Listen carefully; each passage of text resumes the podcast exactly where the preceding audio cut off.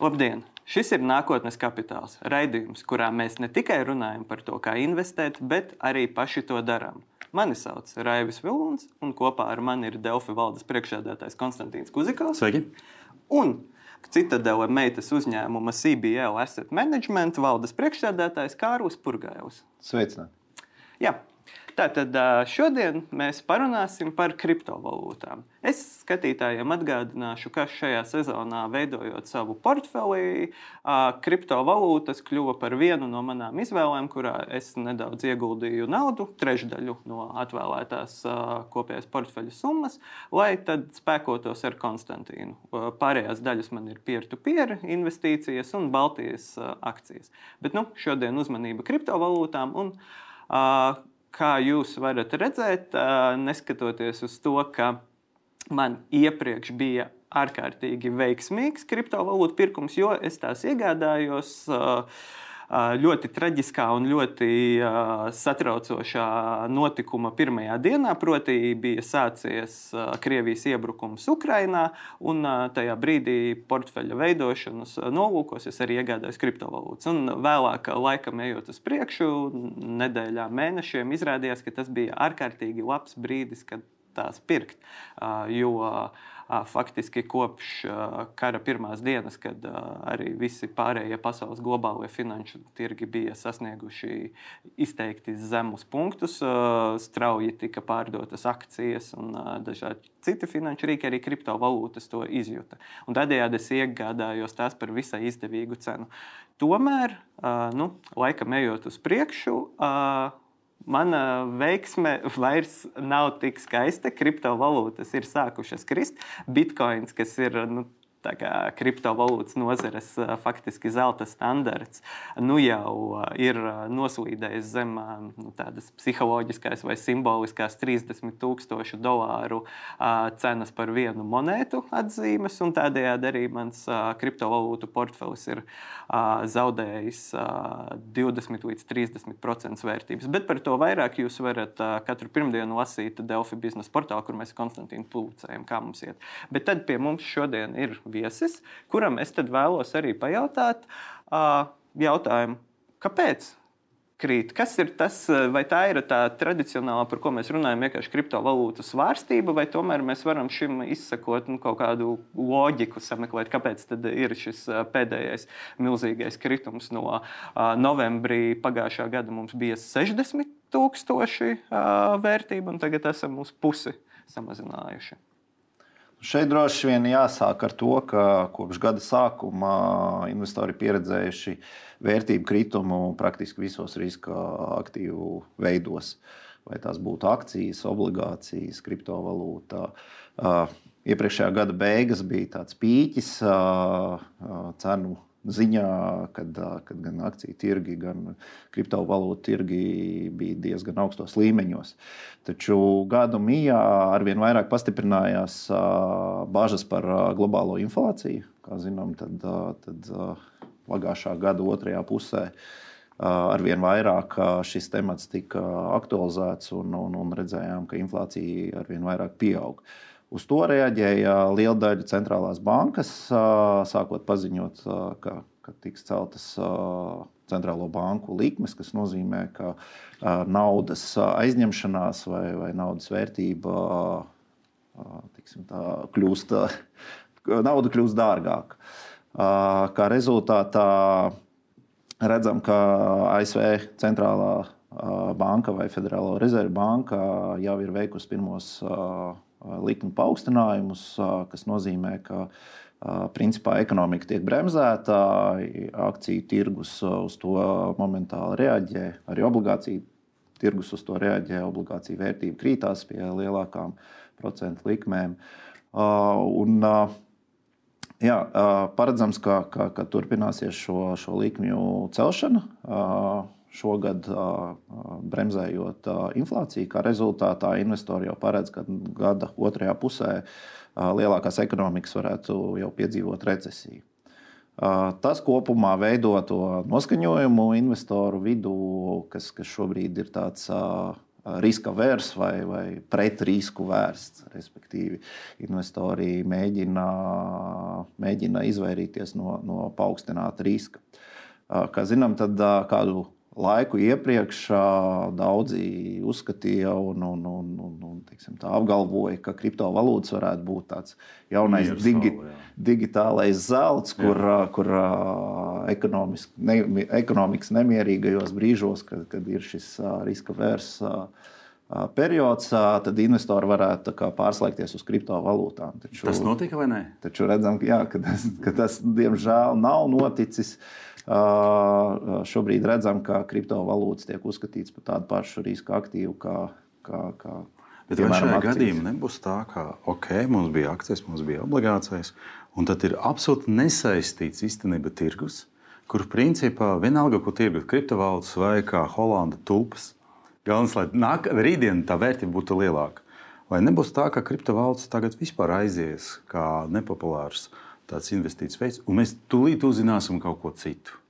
Nes to, ka NFT tikko arī nokrīta. Tas, tas Twitter posts, kas bija par 2 miljoniem pārdots, tagad jau par 15 vai 30 tūkstošiem nevis tiek nopirkt. Bet vai tiksim, finanses negatavs, ka parādīs kaut kādu vispār alternatīvu, un mēs īstenībā par kriptovalūtu runāsim tikai par hypu īstermiņā? Tāpēc, ka mm. reāli saistīs ar ekonomiku nav. Uh, jā, uh, ik pa brīdim parādās jauni tiksim, tā, aktīvu veidi, jā. investīciju veidi. Jā, cits ir populārāks, cits ir mazāk populārs. Jā, nu, tiksim, mēs kā institucionālais investors kriptovalūtas tomēr. Uz kriptovalūtām skatāmies ļoti piesardzīgi un, un tomēr saskatām tur tajā ļoti lielu pieprasījumu, nav pēc tam lielu hypu. Uh, mēs pārvaldām klientu līdzekļus ilgākā termiņā mm -hmm. un, un uzskatām, ka kriptovalūta drīzāk ir tāds spekulatīvs mm instruments, nevis ilgtermiņa uzkrājuma veidošanai. Līdz ar to mūsu, mūsu pārvaldītajos aktīvos, kas, kas nu jau ir pāri pa vienu miljārdu eiro kopumā, kriptovalūtas principā vispār nav. Viens aspekts ir tas, ka regulācija diezgan ierobežo mūsu iespējas investēt kriptovalūtā. Pastāv jau daži regulēti finanšu instrumenti, kā piemēram elektroniski tirgojami fondi, kas mm -hmm. ir kriptovalūtu fondi. Taču jā, nu, mēs skatāmies uz šo aktīvu ļoti piesardzīgi un neuzskatām, ka tas ir ilgtermiņā uzkrā, vērtību tā, audzējošs uh, instruments, uh, drīzāk spekulatīvs. Okay. Jā. Un, uh, tad, uh, tomēr uh, nu, jūs jau tā kā ieskicējāt savā iepriekšējā atbildē, ka jūs neredzat uh, to nākotnes. Bet, ja mēs runājam par nu, tādām spekulatīvajām izaugsmes prognozēm, vai uh, mēs varam uh, kaut kādā veidā runāt par to, ka kriptovalūtas varētu atkal atkopties un tā tālāk, jo mēs esam uh, nu, vēsturiski redzējuši, ka ir bijuši gan tie krituma cikli, gan auguma cikli. Nu, protams, visticamāk, Vairs nebūs tas uh, pirmais vilnis, kas uh, dažus bitkoinu uh, īpašniekus vienā naktī padarīja par miljonāriem, kas bija pirms pāris gadiem. Uz to droši vien visticamāk uh, nevar cerēt, bet uh, daudzi eksperti iepriekš uh, šī gada sākumā un uh, arī. Uh, vēl pirms uh, sākās visas lielās ķibeles, runāja par to, ka uh, bitkoina cena varētu uh, pārsniegt 50,000, un tas varētu kļūt par tādu kā uh, nu, salīdzinošo stabi, stabilitātes punktu, nu, ka ap, tā cena grozīsies nedaudz zem 50, un tad uz augšu, uz augšu kosmosā. Nu, kosmosam varbūt droši vien nevar ticēt, bet vai ir kaut kādas prognozes, ka tā cena varētu atgriezties vismaz līdz 40,000 vai 50,000, vai to jūs nevarat paredzēt? Nu, klasiski, lai, lai prognozētu uh, investīciju vai, vai kādu aktīvu cenas, uh, teiksim, izaugsmu vai kritumu, tiek pielietotas divas metodes. Viena no tām ir fundamentālā metode, kur principā tiek analizēti fundamentāli rādītāji, kas ietekmē šo aktīvu. Kriptovalūtas valūtu gadījumā nu, šādu fundamentālu rādītāju patiesībā vispār nav. Kriptovalūtas nav piesietas kādai ekonomikai, kriptovalūtas nav piesietas kādam uzņēmumam vai, vai, vai, vai mikroekonomiskiem rādītājiem vai rezultātiem. Līdz ar to fundamentālu analīzi veikt nav iespējams kriptovalūtām. Otra metode ir tehniskā analīze, kas, kas principā vairāk vai mazāk balstās uz pieprasījumu piedāvājumu, kur, kur ko ļoti plaši izmanto arī citu valūtu analīzes gadījumos, teiksim, klasisko fiat valūtu analīzes gadījumos. Taču šī analīze parasti ir nu, tāda īstermiņa, varbūt nu, vidēja termiņa periodiem pielietojama. Līdz ar to nu, pateikt, garākā termiņā, kāda ir prognoze, nu, šobrīd ir praktiski neiespējama. Drīzāk tas, tas, tas ir minēšana nekā prognoze manā personīgā uzskatā. Līdz ar to nu, es ne, neņemtos prognozēt par, par, par garāku termiņu. Ja skatāmies uz, uz īstermiņu, tad jā, nu, šo, šo valūtu vērtību noteiks pieprasījums, piedāvājums. Nu, kā minēju, tad šobrīd visi investīciju vai visi aktīvu klāšu investori ir ļoti piesardzīgi, nedaudz nogaidoši. Līdz ar to pieprasījums ir ļoti zems.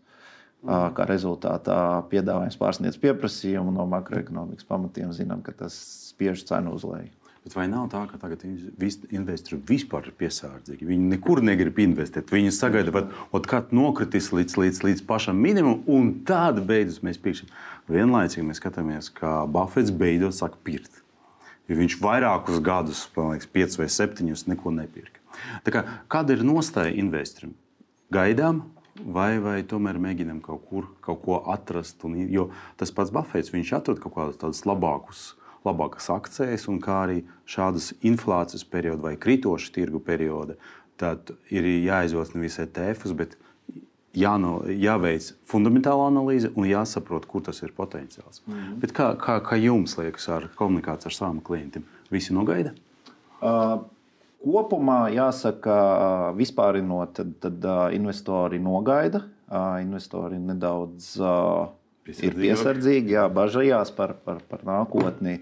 Bet nu, jā, jūs pareizi minējāt, ka, ka atsevišķi instrumenti pat lielu kritumu mhm. brīžos var būt ļoti veiksmīgi. Un, un šeit es vēlos pieskarties tēmai, kas ir aktīvā investēšana vai pasīvā investēšana. Mēs CBL Asset Management esam aktīvās investēšanas filozofijas atzinēji un praktiķi. Jau, jau daudzus gadus, šogad 20 gadi mm. kompānijai palika. Un, un, un principā tas nozīmē, ka mēs arī tādos piesardzīgos momentos meklējam tās, tās vienreizējās iespējas tomēr palielināt portfeļu kopējo vērtību. Savukārt, pasīvajā pārvaldīšanā, kad, kad principā investē tirgus indeksos, nu, tur, tur investors paļaujas tirgus plūsmai. Un šobrīd jāsaka, jā, ka tā tirgus plūsma kopumā no gada sākuma ir bijusi negatīva. Un, un to perfekto market timing vai perfekto brīdi, kad ieiet ar, ar jaunu investīciju, ir ļoti grūti. Un, un tas, vai, šāda momenta, kad mēs redzam, vai tas ir bitkoins vai tas ir akcijas, ka piemēram desmit pozīcijas, divas pozīcijas joprojām ir ar ienesīgumu. Vai tad šajā gadījumā ir pareizāk turpināt investēt šajās pozīcijās, tāpēc ka viņi nekrīt un viņu cena stabila? Vai tomēr šajos apstākļos, ja tev ir līdzekļi, pareizāk investēt tajās pozīcijās, kas nokrīt, tad tu vari nopirkt viņu lētāk un ilgtermiņā izaugs. Kā tā būtu pareizāka stratēģija? Jo tas ir gan attiecis uz manām akcijām, gan uz, uz, uz tādiem visiem kriptovalūtām. Mm. Tāpēc, ka, ot, ot, kā pareizāk? Jo mēs izlēmām to, ka mēs nolēmām, ka mēs investēsim katru nedēļu. Druskuļi, bet katru nedēļu. Mm. Un tagad nu, investēt, un vai tev vai man tagad viss krīt, tu turpini investēt, turpini investēt tas varbūt nav tik, tik uh, emocionāli pareizi. Investēt tādas pozīcijas, kas stabilas, nu, it kā tad es varētu zaudēt to opciju, nopirkt lētāk kaut kādu citu pozīciju. Kā tā būtu pareizāk stratēģija? Stabilas pozīcijas vai, vai kritošas? Nu, pareizāk būtu analizēt šīs pozīcijas un saprast, vai šī stabilā pozīcija ir sasniegusi savu potenciālu augstāko punktu, vai, vai tomēr ši, šim konkrētajam aktīvam vēl ir potenciāls. Uh, nu, līdz ar to nav, pa, nav tādas vienotas receptes. Mm -hmm. Ja krīt, tad jāpērk, ja, ja aug, tad, tad, tad vairāk nepieņem. Jo tā ir filozofija. Pērkam tad, kad aug, pārdodam tad, kad krīt. Vai Jā. savādāk? Pērkam tad, kad krīt, tāpēc, ka zemāka cena. Uh, nu, protams, investīcija rezultāts vislabākais būs, ja nopirks zemākajā punktā, pārdos augstākajā. Bet, kā teicu, tad šo perfekto market timingu noķert ir, ir ļoti grūti. Mm -hmm. Un, tāpēc patiesībā šāda investēšana reizē nedēļā, varbūt reizē nedēļā ir nedaudz pa biežu, mm -hmm. bet teiksim, reizi mēnesī investēt klāt ļauj investoram pat nejauši izlīdzināt, izlīdzināt nu, teiksim, tos kritumus un, un, un kāpumus. Un, un, un šāda pieeja ir, ir ļoti pareiza tiem investoriem, kas pamazām uzkrāj savu mm. kapitālu respektīvi periodiski palielināt pozīcijas, īpaši nesatraucoties, vai tas ir uh, pats, pats nu, tirgus. Tas, kā mums izdodas pakāpeniski zaudēt savu kapitālu tikai.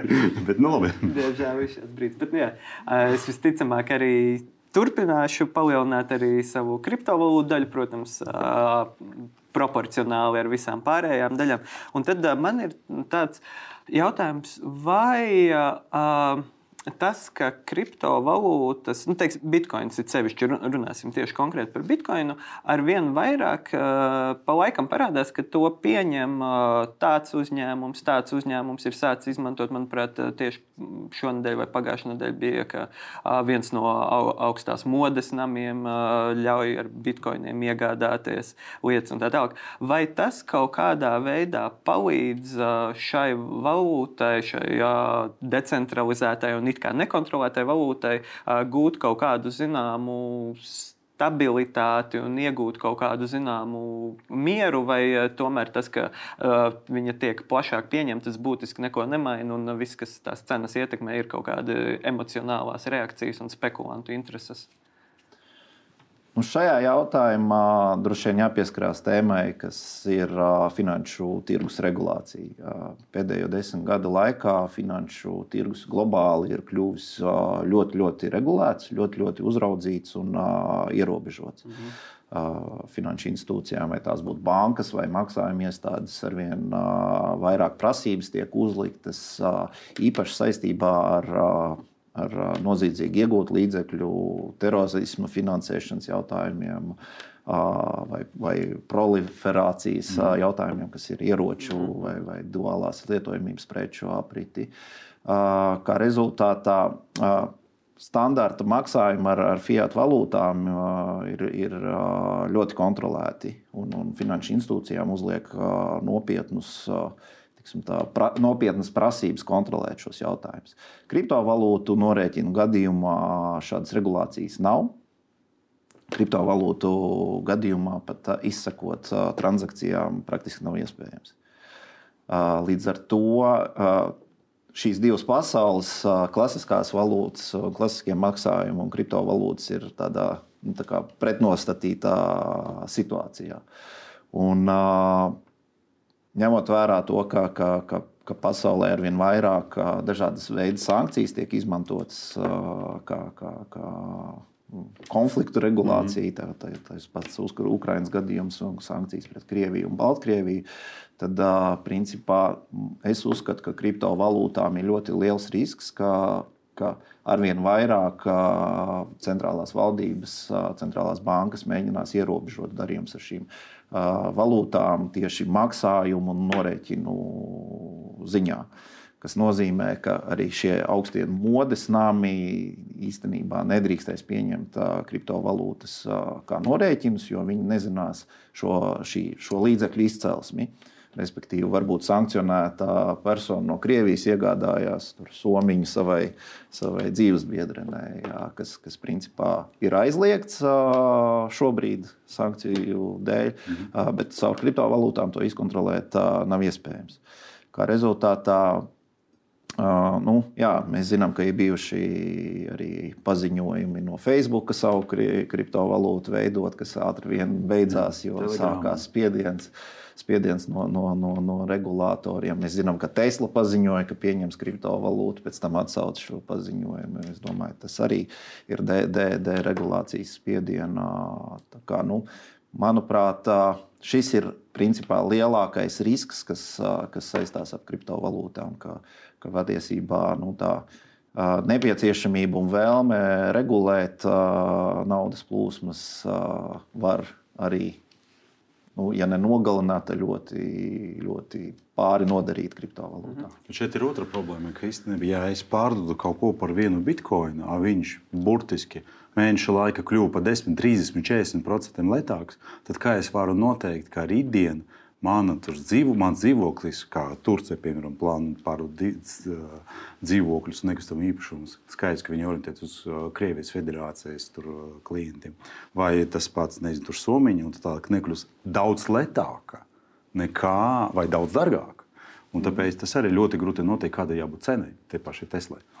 Uh, jā, nu, uh, Klasiski, jebkura starptautiskā tirzniecība ietver sevi valūtas risku. Mm -hmm. ja, ja es dzīvoju ASV un izmantoju ASV dolāru priekšražošanas, pārdodot Eiropā, saņemot eiro valūtu, man ir tieši tas pats risks. Ka, Jā ko, ko jūs minējāt.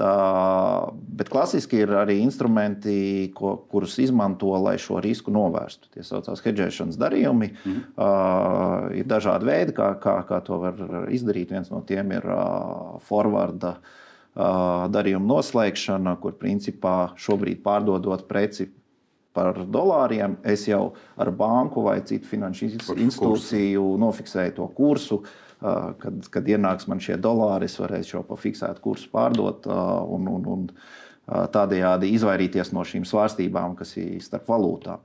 Kriptovalūtu tirgu šādi darījumi nav iespējami. Līdz ar to hedžēt šo valūtas risku arī nav iespējams. Mm. Bet no otras puses, tāds jautājums, vai šī lielākā regulācija, nu, proti, es, es tā pieņemu, varbūt man ir naivs uzskats, un varbūt tiešām kādā brīdī kriptovalūtas pazudīs, bet nu, šobrīd tā neizskatās, arī pēc visu centrālo banku dažādu paziņojumiem, izņemot atsevišķus gadījumus, nešķiet, ka ir mēģinājums izskaust kriptovalūtas kā tādas, drīzāk viņas kaut kādā veidā adaptēt, kaut kādā veidā mēģināt iekļaut tajā uh, kopējā mūsu finanšu sistēmā, kas, protams, savā ziņā sagrauj to sākotnējo kriptovalūtu ideju, ka tā būs neatkarīga, kā jūs pats sākumā teicāt, ka tas būs kaut kas, kas, kad finanšu tirgos viss lēkās, tad kriptovalūta būs tas, uz ko investori ies. Lai gan šobrīd nu, izskatās, ka ir otrādi. Tad, kad kriptovalūtas sāk krist un lēkāt, tad investori atgriež pie Coca-Cola labības un zelta, zelta arī. Pārbaudīt. Jā, bet vai šī regulācijas stingrāka un kaut kāda iekļaušana tajā sistēmā nevarētu arī palīdzēt tam kriptovalūtam kļūt par kaut kādu tādu ilgtermiņa uzkrāšanas veidu vai līdzekli, uz ko arī kaut kādā brīdī, piemēram, tādi cilvēki kā jūs darbā varētu sākt skatīties kā uz kaut ko reālu izmantojumu. Kam būtu jānotiek? Nu, es domāju, ka te nedaudz tā, tādā strupceļā vai, vai, vai, vai kruspunktā esam nonākuši tādā ziņā, ka kā minēja centrālās valdības, vēlētos to ļoti regulēt, ierobežot un kontrolēt. No otras puses, nu, tas dizains šim instrumentam jau sākotnēji ir pret, pret regulāciju un, un decentralizācijas virzienā. Es domāju, ka centrālās valdības ir nedaudz piesardzīgas, lai veikt kaut kādus asus soļus, jo tā kopējā kapitalizācija kriptovalūtām ir sasniegusi nu, ļoti liels izmērs. Tas nozīmē, ka ja centrālās valdības ar asām kaut kādām rīcībām nodarīs pāri šim tirgumam, tad ļoti daudz investori izaudzēs savus līdzekļus, kas var pēc tam replicēties reālajā ekonomikā.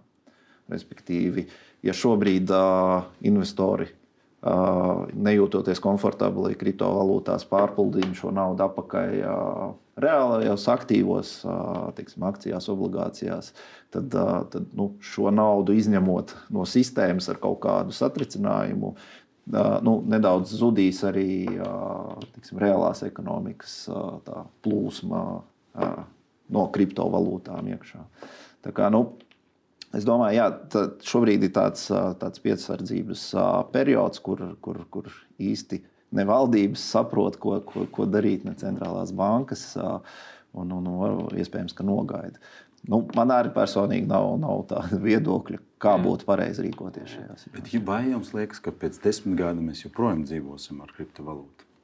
Jo daži uzskata, labi, tagad var būt svārstas, bet pēc desmit gadiem noteikti tirgus būs lielāks.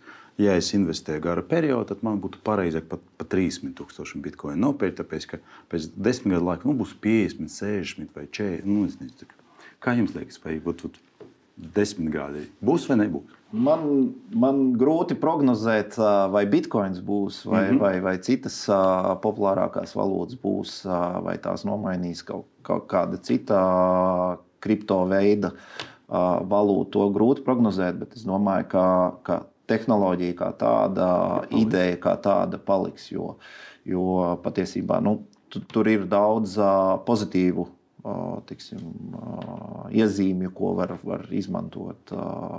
Bet, vai notiek jau tagad sarunas par to, ka parādīsies tas saucamais kripto eiro, kripto dolārs, kas faktiski, ja tagad valdības nevar kontrolēt, to visu, tad viņi satvērs alternatīvu? Uh, Es domāju, ka šajā virzienā tas. ies. Jā. Un tas varētu būt viens no tiem uh, veidiem, kā izkļūt no šī, šī brīža strupceļa, kad, kad nevar regulēt to, kas jau ir. Mm -hmm. uh, tad droši vien, kad variants ir piedāvāt kaut ko alternatīvu savu veidot. Mm -hmm. Es saprotu, ka arī pēdējā laikā ar vien vairāk parādās runas eh, par tieši, kā jūs sakat, mēs nevaram regulēt šīs konkrētās valūtas, bet mēs varam regulēt to pārveidošanu par uh, reālām valūtām, par akcijām un tā tālāk. Un, attiecīgi, uh, man šķiet, ka ASV tagad ļoti rūpīgi skatās uz visām uh, kripto biržām, brokeru pakalpojumiem, arī uz kaut kādiem atsevišķiem uh, investīciju fondiem, kur ir sākuši pieņemt. Tad tas regulējums drīzāk varētu droši vien virzīties uz to pusi. Nu, ka, kā jūs sakat, jā, bitkoins ir uzbūvēts, lai viņu it kā nevarētu regulēt. Tad, vai tas kaut kādā veidā arī var palīdzēt leģitimitātei, proti, ja tiek stingrāk uzraudzīti? Jo pirms pieciem gadiem kriptobiržas un kriptobrokeru servisi bija pilnībā vispār, nu, kas tas ir. Lielākā daļa regulātoru pat nebija līdz galam vēl sapratuši, 50 gadi varbūt. Bet tagad jau ar vien vairāk parādās tāpat, teiksim, piemēram, tie paši kaut kādi Binance, Coinbase un vispārējie. Viņi principā strādājot Eiropā, viņi nu, no manis prasa to pašu informāciju, ko Nu, piemēram, jūsu banka, ja es vēlos atvērt kontu vai izmantot, vai tā stingrākā regulācija palīdz kaut kādā veidā leģitimitātei. Viennozīmīgi palīdz. Un, un es domāju, tas ir normāls tāds evolūcijas ceļš, ka pamazām tiksim, nu, adaptējās šī sistēma. Viena no vēl vienām fundamentālām problēmām, kad ļoti daudzi krāpnieki izmanto šobrīd gan kriptovalūtas, gan, gan norēķinus ar tām. Pat zinām, ka, ka, ka hakeri naftas vadu bloķējot Ziemeļamerikā pieprasīja izpirkumu kriptovalūtā. Tāpat ir tepat mūsu reģionā diezgan daudzi gadījumi, kad šie viltus zvanītāji, viltus investori, kas, kas, kas piedāvā klientiem investēt šos klientu līdzekļus no bankām, izvilina tieši uz kripto platformām, un tad jau atkal pārved, pārved atpakaļ uz fiat valūtām. Tā, kā, tā pakāpeniskā re, regulācija un, un, un, un kontrole ir vēlama, un, un es domāju, ka viņa, viņa ar vien vairāk parādīsies. Mm -hmm. Un sarunai tuvojoties beigām, es gribētu jums pavaicāt, nu, kā fondu pārvaldīšanas ekspertam un cilvēkam, kas saprot šos jautājumus. Nu, pieņemsim, mums ir skatītāji, kuri varbūt līdzīgi kā es, piemēram, šogad vai pandēmijas laikā ir iegādājušies kriptovalūtas. Nu, vienkārši garlaicības pēc, vai tāpēc, ka dzirdēju, o, tur baigā peļņa, ir kāds draugs, varbūt nopelnīja baigo naudu un tā tālāk. Viņi ir iegādājušies to, un tas ir viņiem kaut kādā veidā pavēris varbūt durvis uz visu to kopējo finanšu pasauli. Jo ir arī parādās raksti un pētījumi, ka tieši pēdējos gados arī cilvēki caur šīm ļoti demokrātiskajām tehnoloģijām, kas ļauj ar diviem klikšķiem revolūtā, piemēram, iegādāties dažādas lietas, cilvēkiem paver to finanšu un investīciju pasauli un paver interesi. Un, ja tagad, teiksim, piemēram, cilvēks grib spērt nākamo soli, nu, viņam tur ir maza daļa no bitkoina, vis, visticamāk, vesels bitkoins amatierim, investoram droši vien nebūs. Tā tālāk. Viņš grib tālāk veidot savu portfeli. Uh, piemēram, kāda ir tā daļa, nu, cik no uh, nu, tāda veselīga, saprātīga investora portfeļa varētu būt šīs uh, kriptovalūtas, nu, kas ir uh, grūti paredzamas, grūti prognozējamas, un cik lielu daļu vajadzētu veidot nu, no obligācijām, akcijām, kaut kādiem citiem uh, tradicionāliem, uh, drošākiem un regulētākiem finanšu rīkiem? Tādas universālas receptes noteikti nav. Jā. Viss ir atkarīgs no apjomiem, no portfeļa apjomiem, no investīciju portfeļa mērķa, no paredzamā investīcija perioda un, un, un tiksim, riska apetītes vai spēja uzņemties risku gan psiholoģiski, gan arī finansiāli. Mm -hmm. Bet, Attiecībā par kriptovalūtām man patika man drauga rekomendācija, kur runājot ar viņu, kad es vēl nebiju pats pamēģinājis šo finanšu aktīvu. Viņš teica, investē cik, cik tev nav žēl zaudēt. Respektīvi, Bet tā nav investīcija. nu, jā, es atkārtošos. Es neuzskatu kriptovalūtas par ilgtermiņa investīciju vai ilgtermiņa uzkrājuma veidošanas tādu fundamentālu aktīvu, drīzāk kā spekulatīvu uh mhm. -huh. aktīvu, kas nozīmē, ka es labprāt noriskēju ar kādu naudas summu, cerot, ka, ka diezgan ievērojami var vērtība pieaugt. Bet tajā pašā laikā apzinos, ka vērtība var krist. Un, un šis ieteikums investēt, cik tev nav žēl zaudēt.